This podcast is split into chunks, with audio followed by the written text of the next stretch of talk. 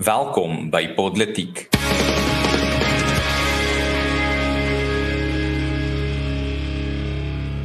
Goeiemiddag, ek is Erns van Sail en saam met my in die ateljee is Louis Boshoff en Sharnay Mostert en in vandag se episode valse rasisme klagtes mislei, Transnet se tyd verby en Argentinië verkies vir Javier Milei. Ek dink die eerste storie waarmee ons gaan begin is jou storie Sharnay wat jy gekies het vir hierdie week. Dit gaan oor valse rasisme klagtes uh, wat vir mense om die bos lê. Um, ek het nou jy's nie veel meer daaroor gesê nie. So gee jy vir ons 'n bietjie die agtergrond daar wat uh wat is die, die details van hierdie storie? Oh, baie dankie Erns. Uh, ek gaan sommer wegspring en begin by vals beweringe van rasisme moet op die einde van die dag nie so ernstig hanteer word soos ware beweringe van rasisme aangesien vals rasisme le uh, lewens verwoes. 'n Persoon kan gebrandmerk word as 'n rasis en kan sy of haar werk verloor en selfs verklaar word as ondiensneembaar. Sulke sake is nog erger aanlyn aangesien sosiale media plasings versprei soos 'n veldbrand binne 'n kwessie van 'n paar minute kan so 'n insident versprei word na elke hoek van die wêreld.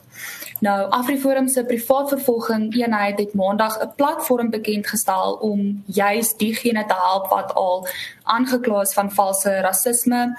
Uh, die platform adviseer mense oor hoe hulle 'n saak kan aanmeld en gee ook verskeidenheid riglyne van uh, mense wat dan nou verder 'n saak wil aanmeld. Uh van die riglyne adviseer mense dat hulle nie moet stil bly nie. Jy hoef nie te vrees nie, daar sal mense wees wat na jou sal luister. En ek moedig ook mense aan om um op te praat. Jy gee nou weer vir ander 'n stukkie hoop dat iemand sal na jou luister. Um bewaar ook soveel bewysstukke as wat moontlik is. Dit sluit in onder andere foto's, verskeie klank en skermgrepe, video's en so meer. En jy moet ook so gou as moontlik die saak aanmeld by jou naaste polisiestasie sodat die geval op rekord kan kom. In die agtergrond van Suid-Afrika se geskiedenis dink baie mense sekerlik dat valse rasisme nie 'n probleem is nie of dat dit dalk nie eens bestaan nie. Wel hierdie platform het juis ontstaan as gevolg van 'n insident wat hierdie jaar plaasgevind het in Suid-Afrika. 'n Bekende TikToker het 'n dag uitgeneem by die by die Gold Reef City Tema Park waarna drie jong mans agter haar saam in 'n ry gewag het om op een van die ritte te gaan. Sy het in 'n 'n reeks verskeie TikTok plasings beweer dat hierdie drie jong mans volgens haar bewering geleide gemaak het wat ape naboots en hierdie plasings is op video vasgevang. Uh, haar volgelinge het die mans geïdentifiseer en op verskeie platforms hulle geïntimideer en selfs doodsdreigemente gestuur. Die drie jong mans het daarna 'n saak by die polisie oopgemaak in Johannesburg waarna die polisie die saak van die hand gewys het. Die familie van die jong mans het die privaat vervolgingseenheid genader waarna die saak hervat is. Die TikToker word aangekla van injury en strafregtelike laster. Die platform kan ook gebruik word om jou saak aan te meld soos ek vroeër gesê het en ja, gaan kyk gerus. Uh die skakel is www.falsrassisme.co.za. Hmm. En om net daar buite las die die hele fondasie waarop ons regstelsel in Suid-Afrika en uh, in vele ander lande gebou is, is die beginsel dat jy is onskuldig totdat jy skuldig bewys is. En dit is gewoonlik nie in die hof van uh, die die uh publiek uh nie of publieke mening nie altyd die beginsel wat toegepas word nie. Veral op sosiale media word uh die beginsel eerder gevolg dat jy is skuldig totdat jy kan bewys jy's onskuldig wat 'n regtig 'n uh, 'n baie slegte benadering is as dit kom uh by veral hierdie tipe aantuigings van uh rasisme in 'n land soos Suid-Afrika waar die gevolge van uh, uh om 'n rasis bestempel te word regtig ernstig vir jou persoonlik kan wees vir jou besigheid vir jou toekoms vir jou uh, vir waar jy skool gaan of 'n student is. Dis regtig 'n verskriklike etiket om op iemand te sit weens die regte wêreld gevolge wat dit het. En ek wil uh, en weens daai impak wat dit op mense se lewens het met diegene wat valse beweringe van rasisme versprei sommer net so op sosiale media met hulle uh, ernstige gevolge ook dra uh, as dit bewys word dat hulle het uh, die publiek probeer mislei uh rondom dit. So ek's baie bly hierdie platform het nou uh die die lig gesien en ek weet die ehm um, die span daar saam met Gerry uh Gerry Nel by uh, Afriforum se privaat vervolgingseenheid. Ehm um, ek weet hulle is die regte mense om mense te help wat uh, hierdie in hierdie ernstige situasie hulle self sou bevind. Ehm um, so ja, ek bly daai uh jy het vir ons ook die platform gegee Jarnay so mense kan dit uh, gebruik indien dit vir hulle um, relevant is. Ja, om uh, hierby in te skakel, kan ons bietjie kyk na die omgewing waarin hierdie hierdie uh, valse klagtes van rasisme voorkom en 'n uh, groot gedeelte daarvan uh, kom van 'n uh, wantroue in die regstelsel af dat uh, as mense 'n uh, werklike vertroue in die regstelsel en die vervolgingsgesag gehad het, sou mense kon sê o, hier's 'n oortreder, kom ek wag dit en los en die die reg sal optree en die persoon sal aan die pen ry. Maar nou uh, is daar eers die nasionale vervolgingsgesag in Suid-Afrika wat nie hulle werk doen nie en dan is daar mense wat inspring en dink o, ag die persoon gaan in elk geval nooit vervolg word nie, gaan nooit uh, gefonnis word nie. Uh, ek moet iets begin doen en dan uh, sien 'n mens die ehm um, aandraande sosiale plasings en ehm um, dan uh, uh, uh, sien mense so hoe 'n persoon se hele reputasie vernietig word. En uh, erns jy het gepraat van die regsbeginsel dat iemand beskou word as onskuldig totdat hy skuldig bevind word en uh, daarbey om daarbey aan te sluit ehm um, sien die reg nie net in uh moet iemand boete kry of nie of moet hy in die tronk wees of nie maar uh die hele doel is uh dat 'n uh, persoon se goeie naam en reputasie ook beskerm moet word deur die reg. En hier sien mens blaatante gevalle van waar uh die die uh, algemene rassesensitiwiteit in die samelewing uitgebuit word sodat as iemand net van rasisme beskuldig word of dit nou waar is of nie daai persoon se hele reputasie en in baie gevalle 'n persoon se hele loopbaan vernietig kan word en uh dit is hierdie wat ehm um, Afriforum se privaat vervolgingseenheid dan wil hoekslaan.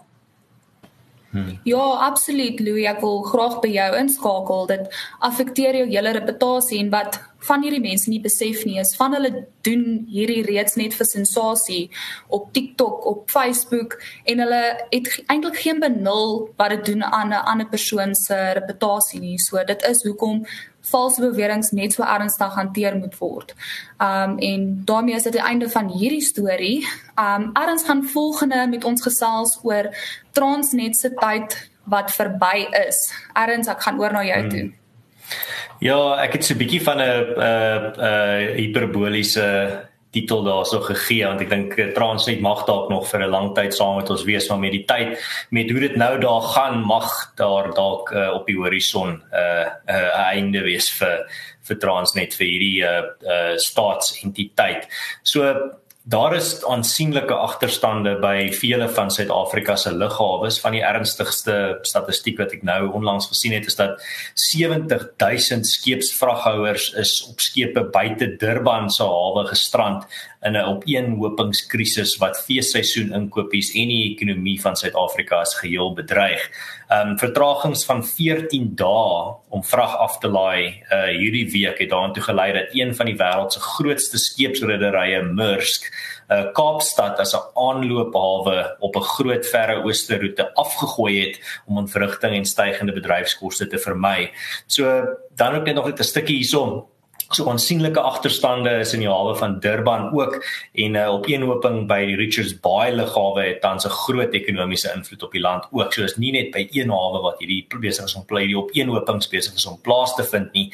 Uh, die dringendheid van die situasie het Transnet gedwing om deurslaggewende ingrypings te implementeer wat daarop gemik is uh om die ekonom ekonomiese impak uh, op die land te verlig. Maar wat die hoe effektief daardie ingrypings gaan wees uh, sal ons moet sien. Ek is nie vol vertroue nie. Uh, veral waar ook al die regering se vingerafdrukke te vinde is uh, is effektiwiteit nie gewoonlik uh om dieselfde effektiwiteit nie sommer om rondom dieselfde vuur nie. Um, maar ja, hierdie is 'n kritiese stuk infrastruktuur van Suid-Afrika ons lug ag ons hawens en uh, as ons hawens nie die dienste kan vervul waarvoor hulle gebou is nie veral om as 'n uh, uh, punte van uh, rus of uh, aflewering vir uh, vir uh, internasionale handel te kan uh, te kan dien dan moet hulle dan moet daar ernstige hersiening wees oor wie regtig die bestuur van hierdie hawens hanteer. Tans is dit die die regering en hulle doen duidelik nie hulle werk as jy kyk na die statistieke wat ek nou vandag vir julle gegee het nie. So dis 'n kritiese stuk infrastruktuur wat nie besig is om te funksioneer soos wat hy moet nie en dit doen ongelooflike skade aan die Suid-Afrikaanse ekonomie en aan die toekoms van die Suid-Afrikaanse ekonomie want ek dink baie van hierdie lande wat nou so moet in hier tou staan om by die die die, die hawes van Suid-Afrika uh te stop. Hulle gaan begin soek na alternatiewe. Hulle gaan begin kyk ernstig kyk na alternatiewe hawens wat hierdie dienste vir hulle beter sal kan verrig en dit is wat uh, hierdie hierdie maatskappy Maersk nou al klaar begin doen. Hulle is lyk like my uh, skrap nou Suid-Afrikaanse hawens van hulle stoplys af. So dis 'n ernstige ontwikkeling en uh, ons sal nou maar sien. Dis 'n baie slegte tyd van die jaar vir dit om te gebeur, maar weer eens dis 'n storie van staatsmislukking. Ja, nee, definitief erns. Hierdie insident laat my ook vreeslik dink aan die effek wat die Evergreen skeepbouer laas jaar gehad op die hmm. wêreldsekonomie. Nou daardie skeep was vasgevang in die Suez uh, kanaal as ek dit reg sê vir om en by 6 dae en daar was meer as 350 skepe wat vasgevang was. Hulle hulle kon nie die kanaal bereik het nie en dit het 'n enorme impak op die globale ekonomie gehad. En hier is nou net 'n fraksie van die tyd as mens nou vir dit vergelyk met die insident wat tans gebeur by Durban. Um ek het vanoggend raak gelees dat dit het 'n effek gehad van om en by 10 miljoen dollar wat die ekonomie daagliks verloor het en hierdie was net in 'n kwessie van 6 dae totaal. So ek dink die impak wat Durban gaan hê op die globale ekonomie gaan ons nog hard voel. Hmm. Ja, erns om aan te haak by wat jy genoem het dat eh uh, skeepsrederye sal begin ehm um, alternatiewe hawens soek en uh, ek dink uh, Suid-Afrikaners besef nie noodwendig eh uh, hoe Suid-Afrika die die poort na Afrika was vir soveel jare nie en en dink maar net dit sal outomaties so bly ehm um, bloot weens die ligging en die enigste en dat Suid-Afrika die enigste plek met ordentlike stede en hawens is uh, en uh, dit is uh, gaan nie meer langer noodwendig gegeewe wees nie. Ehm um, en uh, uh, afgesien van uh, Maersk wat en uh, nou uh, Kaapstad hawe probeer vermy is daar ook uh, die die MSC die uh, Mediterranean Shipping Company wat uh, hulle eie tarief gestel het op uh uitvoere na Suid-Afrika en gesê het ehm um, maar dit kos ons soveel meer omdat ons skepe lank gaan wag by die hawe dat uh, ons gaan uitvoerders nog 'n uh, bykomende tarief vra net om dit te doen. En uh dit sal noodwendig uh mense uitmoedig uh, ag ontmoedig om na Suid-Afrika uit te voer en die binnelandse pryse van ingevoerde produkte verhoog. Ja, ja, ek dink daar's uh, daar's vele ek dink daar's vele Afrika lande het nou gesê uh, Suid-Afrika is die poort na Afrika toe. Ek dink daar's vele lande wat absoluut hierdie geleentheid in Afrika gaan aangryp om uh, hulle self te probeer vestig as die nuwe poort in Afrika toe. Ek weet in Namibië is hulle besig om ongelooflike geld in te pomp in die ontwikkeling en uitbreiding van hulle eie uh, hawens. Ehm um, so ons sal dit nou maar moet dophou. Dis maar weer eens uh, die Suid-Afrikaanse regering, die ANC wat 'n uh, ongelooflike geleentheid net uh, in die wind gooi en regtig die die ongelooflike uh, geleentheid wat hulle het uh, die die die geleentheid wat hulle het om vir Suid-Afrika net aan te hou versterk as hierdie poort na Afrika toe net daai geleentheid absoluut weggooi uh, weens uh, wanadministrasie en weer eens hulle vasklou aan hierdie hele idee van sentralisasie. Die regering moet in beheer van al hierdie al hierdie kritiese infrastruktuur wees en ons sien nou die die bittervrugte daarvan Uh, ja, ernstig en 'n uh, bietjie met die fokus op Transnet nou wat jy praat van die uh sentrale mag wat die regering wil behou uh dat uh as ons kyk na die Kaapstad hawe is dit eintlik ironies dat die die Kaapse ekonomie is nie besig om te sukkel nie. Inteendeel die die stad Kaapstad en die privaatmaatskappye in Kaapstad ehm um, vaar ekonomies goed op die oomblik en Uh ten spyte daarvan is die Kaapstad hawe deur Transnet as 'n nasionale staatsentiteit nog ehm um, onder sentrale beheer wat ehm um, wanfunksioneel is en uh, so hou die regering eintlik 'n uh, 'n uh, onbevoegde greep op 'n andersins ehm um, relatief bevoegde ehm um, en en funksionerende ekonomiese area.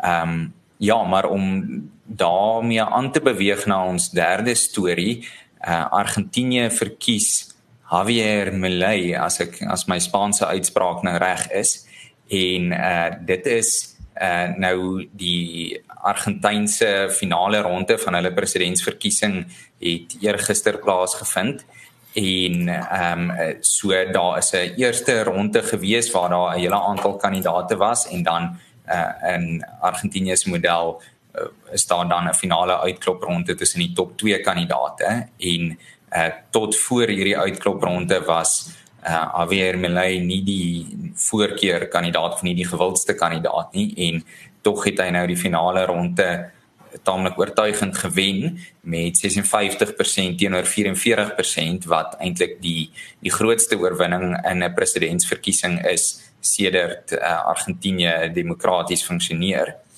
En nou ten spyte daarvan is uh het hy sleg alhoewel hy president is gaan sy party nie 'n meerderheid setels in die parlement hê nie die Argentynse parlementêre verkiesing vind onafhanklik van die presidentsverkiesing plaas en daar lyk die storie bietjie anders. So uh dit gaan 'n uh, interessante vraagstuk wees oor uh hoeveel mag hy as president gaan hê en hoeveel van sy beleid hy kan uitvoer. Maar uh, in elk geval oor Javier Milei, hy's 'n baie interessante kleurvolle en uiters onkonvensionele politieke figuur.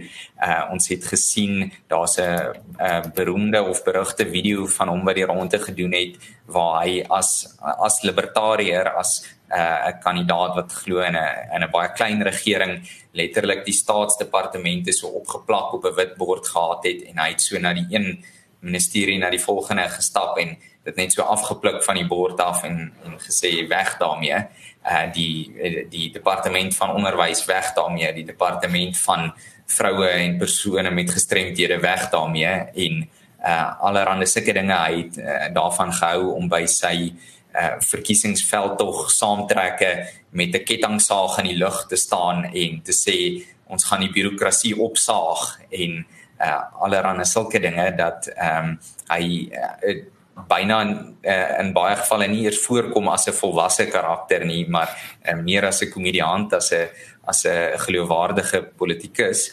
Maar uh, ongeag is daar uit baie oorde ook 'n uh, positiewe ontvangs en uh, het selfs die die markte positief gereageer uh, op sy verkiesing en sal dit nou interessant wees om dop te hou. Maar uh, voor ek 'n bietjie deegliker uh probeer analiseer daaraan erns ek weet nie hoe jy die die verkiesing hmm. van Javier Milei beleef nie. Wel Louis, ek het dit nou nie so haarfyn gevolg nie. Ek het sommer op een oog dit dopgehou. Uh maar ja, dit was uh, wat ek wil bylas by jou opsomming is dat hierdie is ook maar een van daai stories weer eens waar 'n 'n politikus wat baie groot beloftes maak en ek bedoel die beste woord wat ek kan kan dink met Javier is 'n skouspelagtig.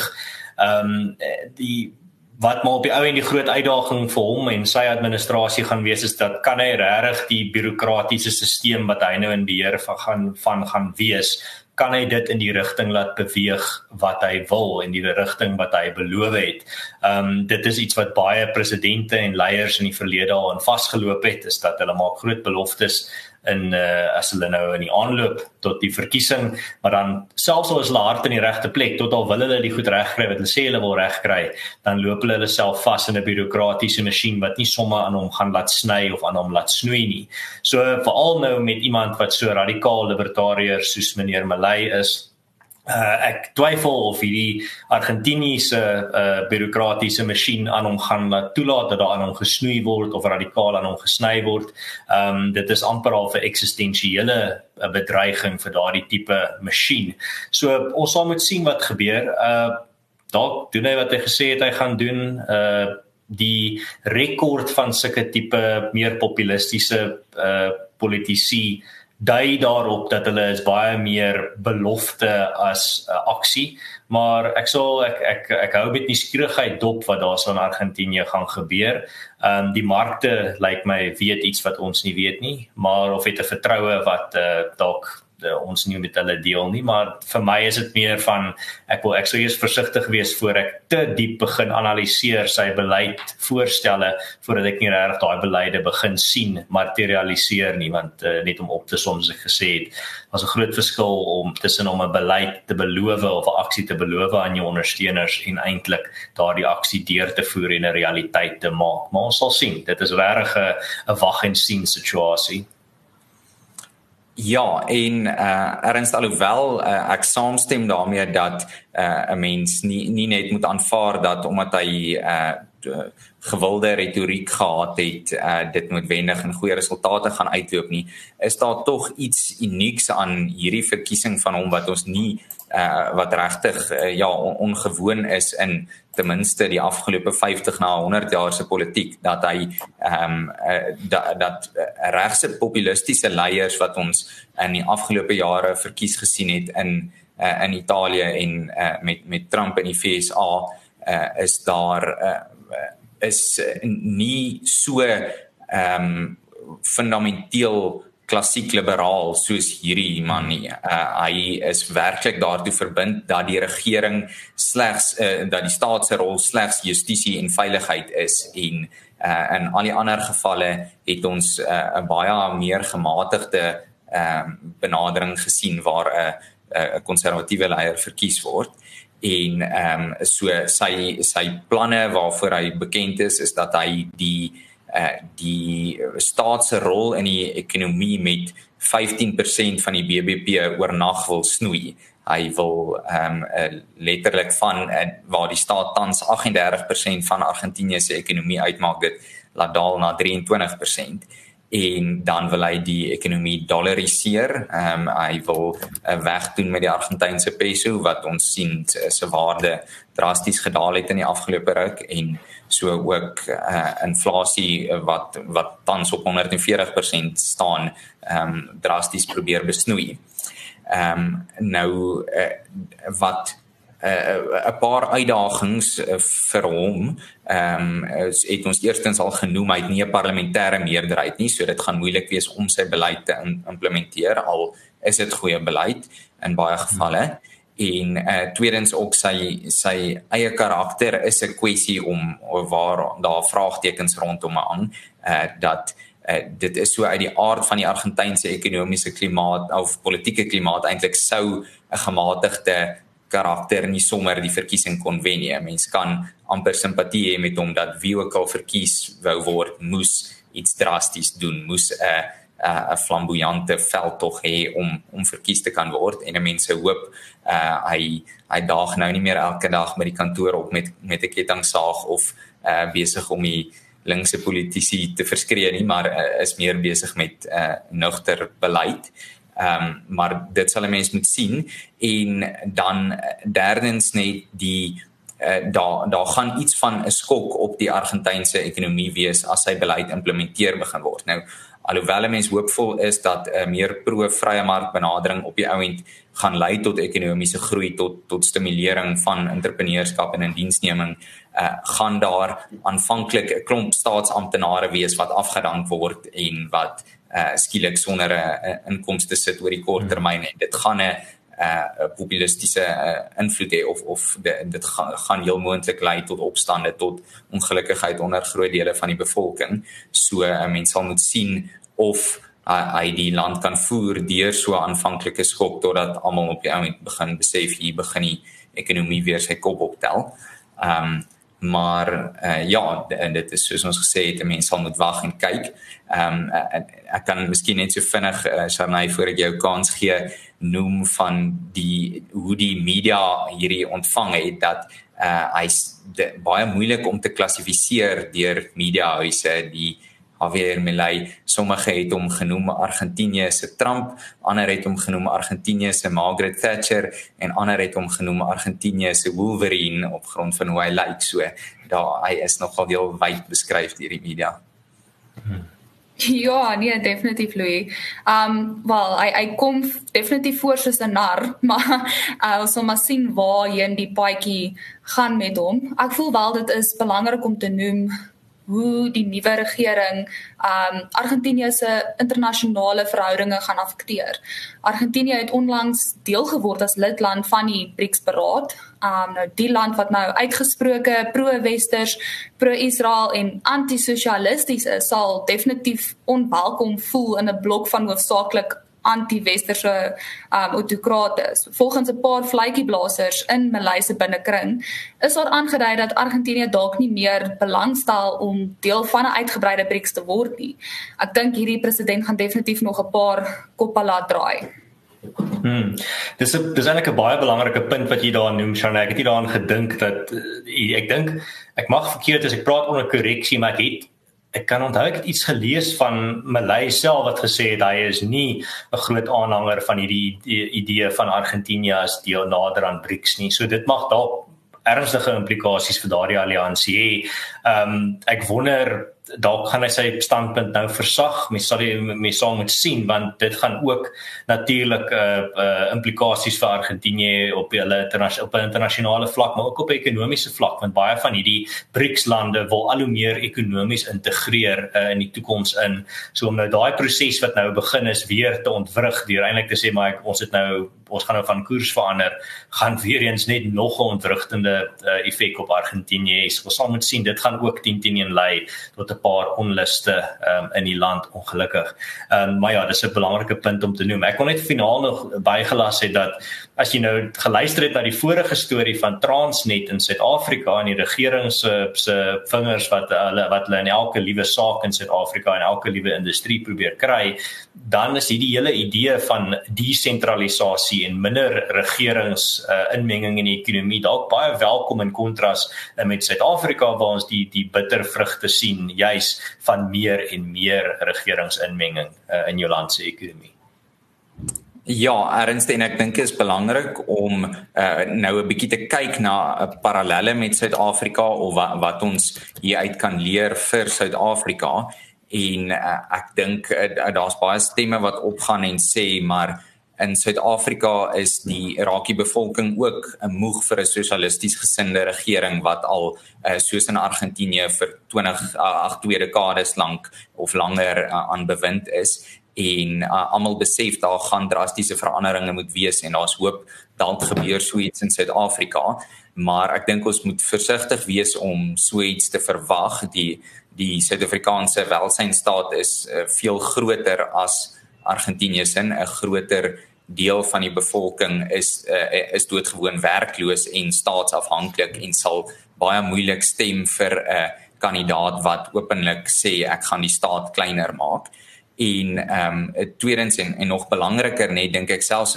of jy nou in Argentinië of in Suid-Afrika is, moet jy nie jou heil verwag net in die verkiesing in uh in die uitkoms van die verkiesing of wie my president gaan wees nie dat die die regryk van 'n land soos Argentinië met baie ekonomiese uitdagings of Suid-Afrika met al die uitdagings wat hier is, ehm um, moet baie weier strek moet uh uit gemeenskappe begin en uh moet uh, privaat sektor gedrewe wees en daar kan nie uh, net gehoop word en gestreef word na 'n beter kandidaat om verkies te word in die verwagting dat alles dan reggerig sal word nie. Hmm. Ja, dit is 'n baie belangrike punt, die die feit dat uh, om 'n 'n komplekse en wyd verspreide probleem op te los kan jy nie net al jou al jou geld wet op uh, wat in die volgende verkiesing gebeur nie. Veral in Suid-Afrika, ek ek is nogal bekommerd vir mense wat te veel van hulle hoop uh, op een verkiesing sit en sê maar dit gaan alles regkry. Dit beteken nie met heeltemal net met verkiesings afskryf nie, maar dit moet beteken ook jy kan nie net jou verantwoordelikheid uitkontrakteer aan 'n uh, verkiesing uitslag nie en sê maar ek het my kruisie op 'n stukkie papier gaan maak so ek het verantwoordelik opgetree teenoor my gemeenskap en die breër samelewing is is nie uh, die regte benadering nie. Dit is die absolute absolute minimum wat jy kan doen en uh, baie mense dink dit is dis genoeg uh, dit is duidelik nie. Uh, maar ja baie dankie um, uh, vir almal wat ingeskakel het vandag. Dankie vir almal wat ook hierdie episode deel uh, met vriende en familie. Um, julle kan ook verder deelneem aan die gesprek self deur in die kommentaar kommentaar afdeling julle kommentare te los. Wat dink julle van van hierdie stories wat ons vandag bespreek het? Alrite, uh, Louis en Shalai, ek sien julle weer volgende keer en dan ons gehoor ook. Ehm um, ek hoop julle het 'n lekker naweek veilig wees en ons gesels weer binnekort hier op Politiek om 'n bietjie die nuus vir julle te ontnonsens. Alrite, totsiens. Ja, baie dankie.